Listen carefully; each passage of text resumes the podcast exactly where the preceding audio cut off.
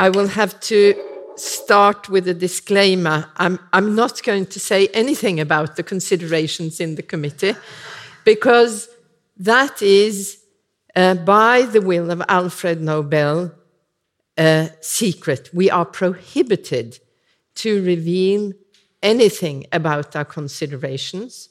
We write minutes from our meetings where they are actually not that substantial, but they can only be opened 50 years.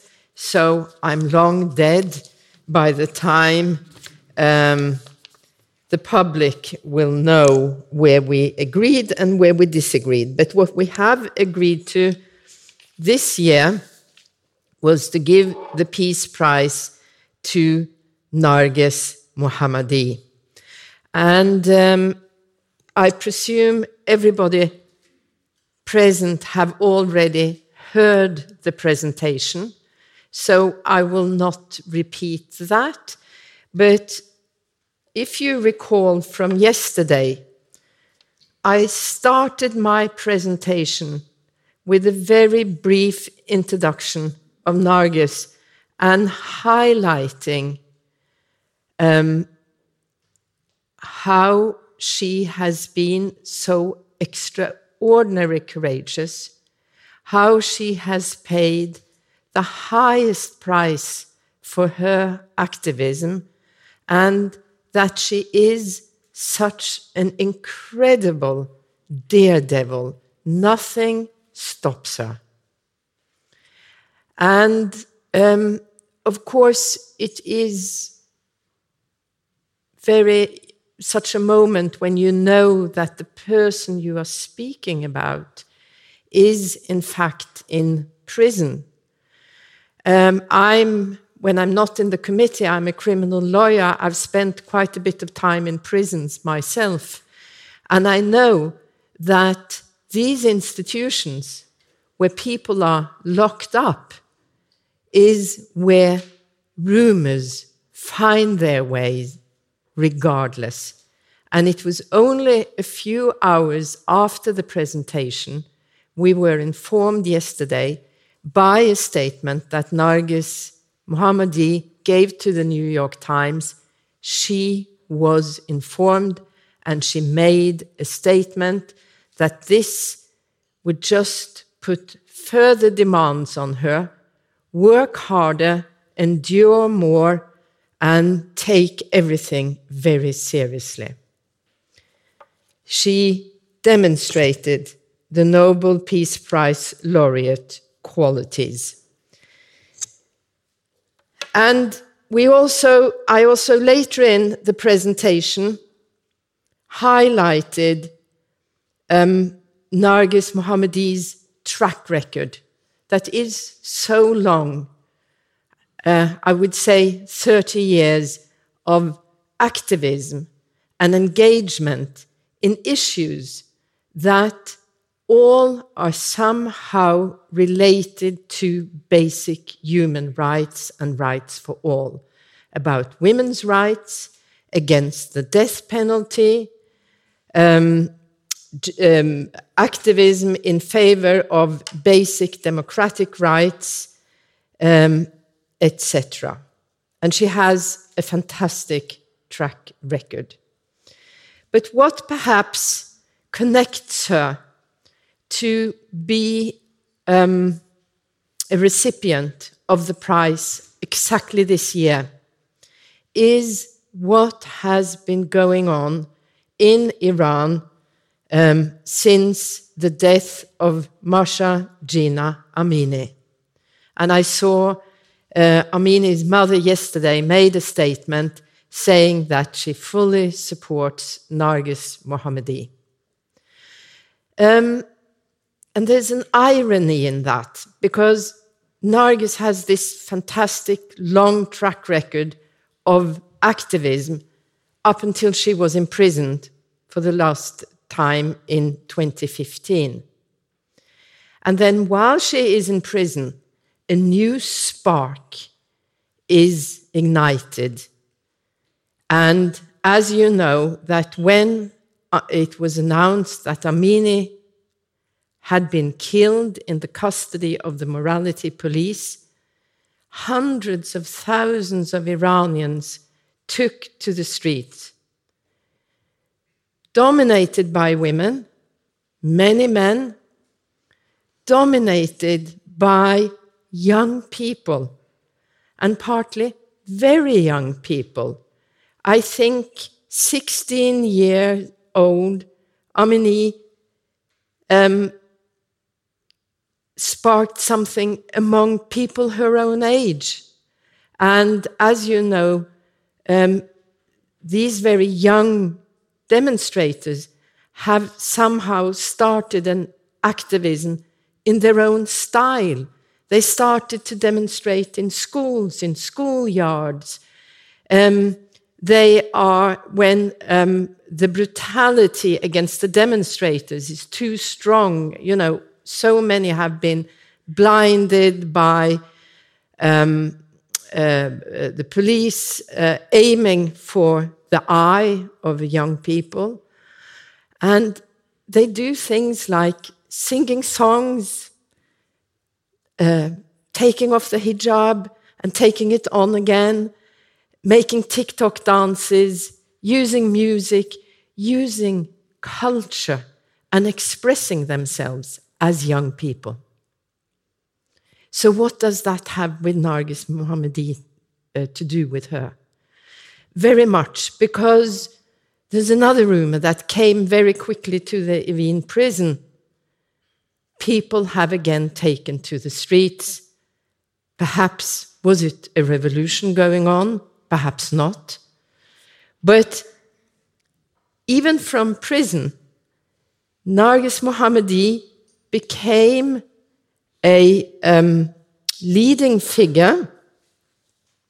She assumed leadership, a role model, and an inspiration because there was something about this movement that started in 2022.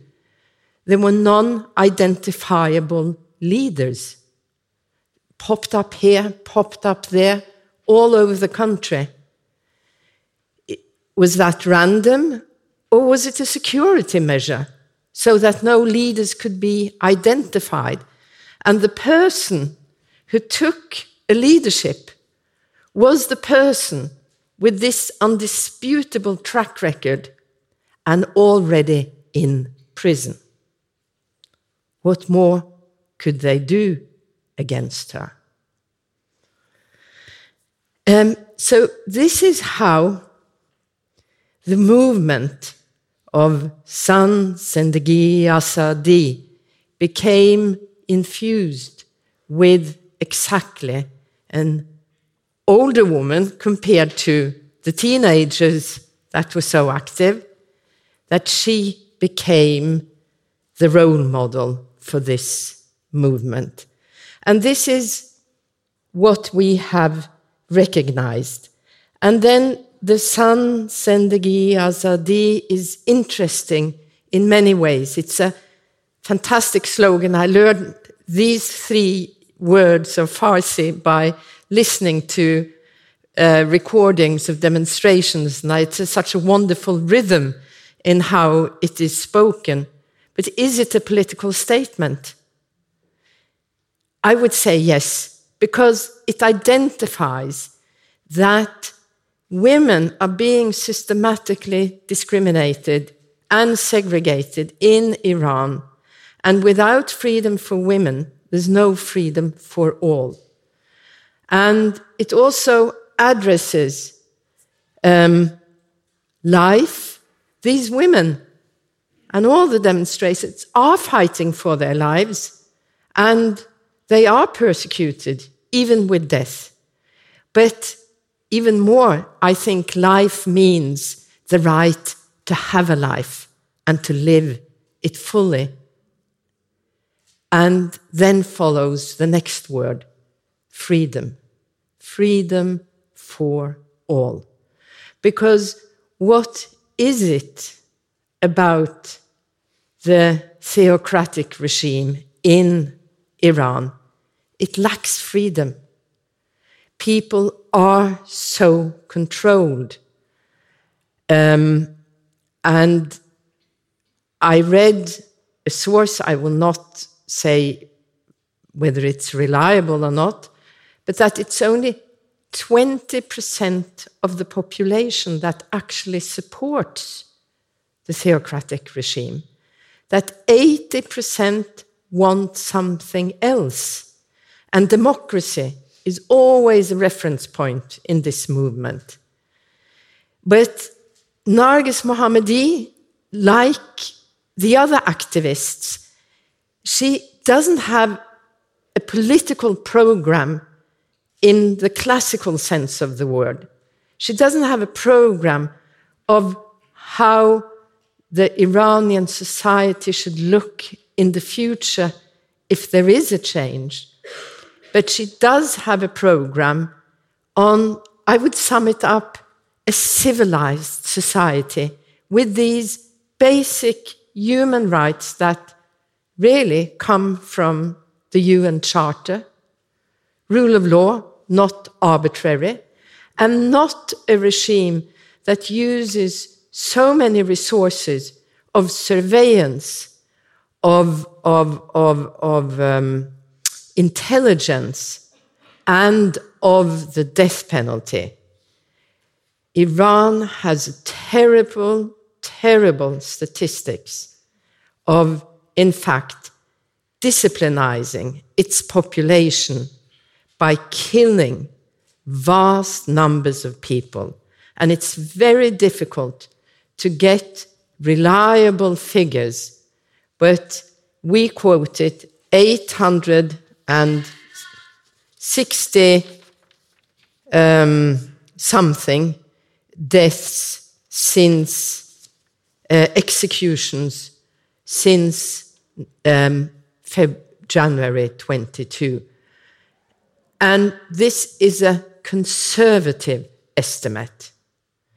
And it has increased during this period, the executions. And of course, it's also, it's not all political activists who are executed, but quite a few, quite a few. Um, I would also like to mention that the price to Narges Mohammadi falls into a tradition. You are all aware of that. Exactly 20 years ago, Shirin Ebadi received the Nobel Peace Prize um, for the same type of activism as Narges Mohammadi is receiving now. And I just want to make a little sidetrack with a personal story. At the time, 20 years ago, I was not a young lawyer, but I was a younger lawyer. And we were, I was active in the Bar Association. And we were so impressed that the work of a lawyer and the fight for a legal system of human rights had received the Peace Prize. So we wanted to do something to honor Shirin Ebadi, and we made here at this university a big seminar on children's rights in Norwegian law to honor the focus point of Shirin Ebadi. And I told uh, Shirin when I met her this summer that um, unfortunately you didn't have time to come we had invited her to the seminar, but um, it became actually a very important seminar that greatly developed the field of children's right within the discourse of uh, legal discourse in, in Norway. So I was very excited about that. And um, Narges Mohammadi is often mentioned that she worked for Shirin Ebadi's Human Rights Center. They collaborated prior to 2003. But Narges Mohammadi is a person totally in her own right. She is not an assistant of Shirin Ebadi. And I would also like to share with you that after we had actually receive, made the decision of who would receive the prize, we received an email with a letter signed by 10 other inmates in the Evin prison, encouraging us to give the prize to Narges Mohammadi. She has obviously a support and standing also by her previous mentor, Shirin Ebadi.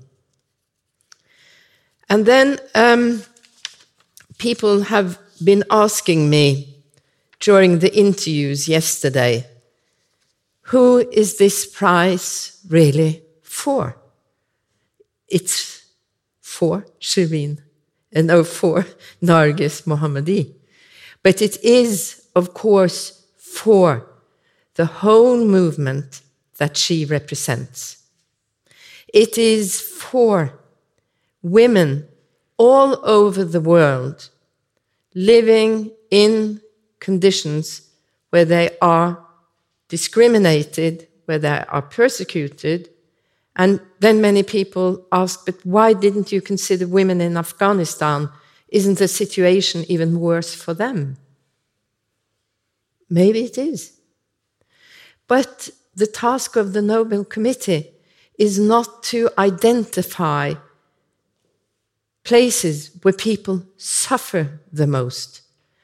Our task is to identify the person or the persons who have contributed most to peace in the past year.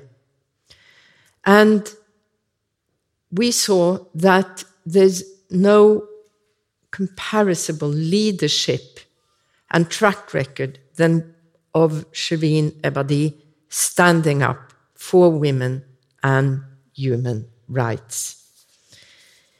Um, I will um, soon close,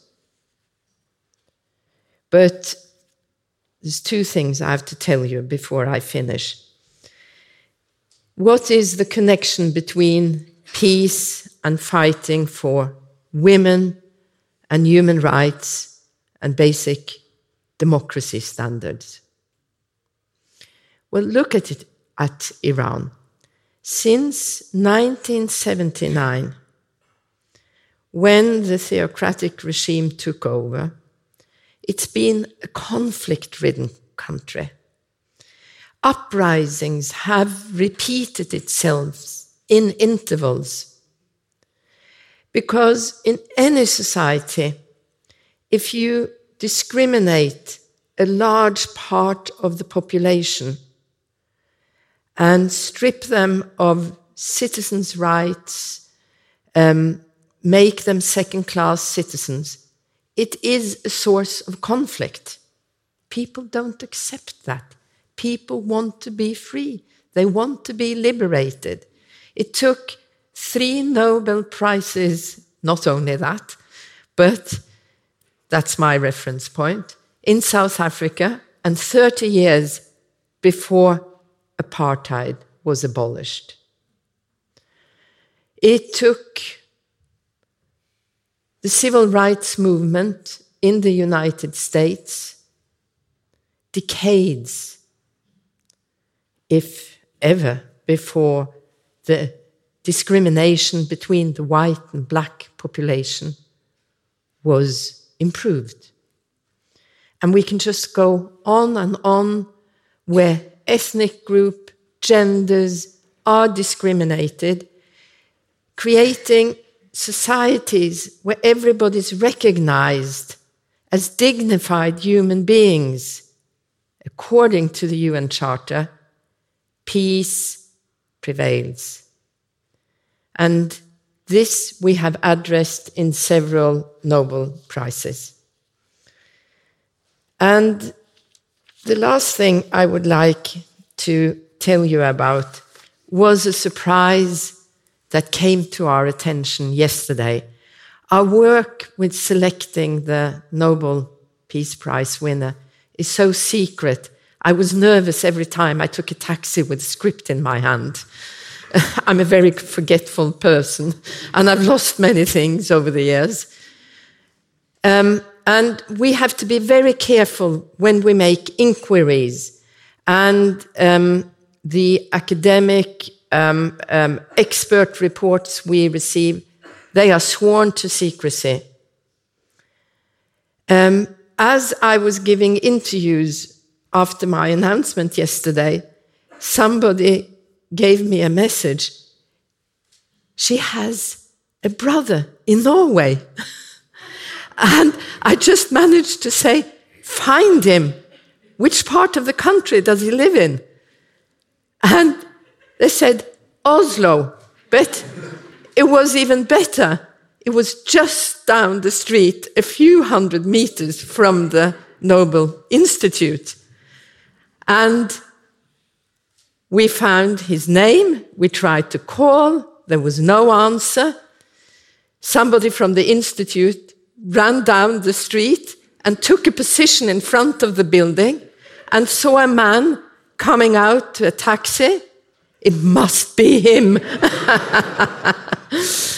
uh, and I'm so happy that we have had um, met Hamid Reza Mohammadi and um, you suddenly became the center of attention for Norwegian press that you handled with really flying colors. I'm so impressed by you, and you made wonderful statements yesterday. And um, actually, I would like, no, it's not now. I'm going to, later, I will invite you up on stage. But uh, it was truly wonderful to us to have um, a representative, a close relative of Narges to relate to. And I'm sure your sister would have been proud of you, and I know you are very proud of your sister. This is what I plan to say. Um, thank you.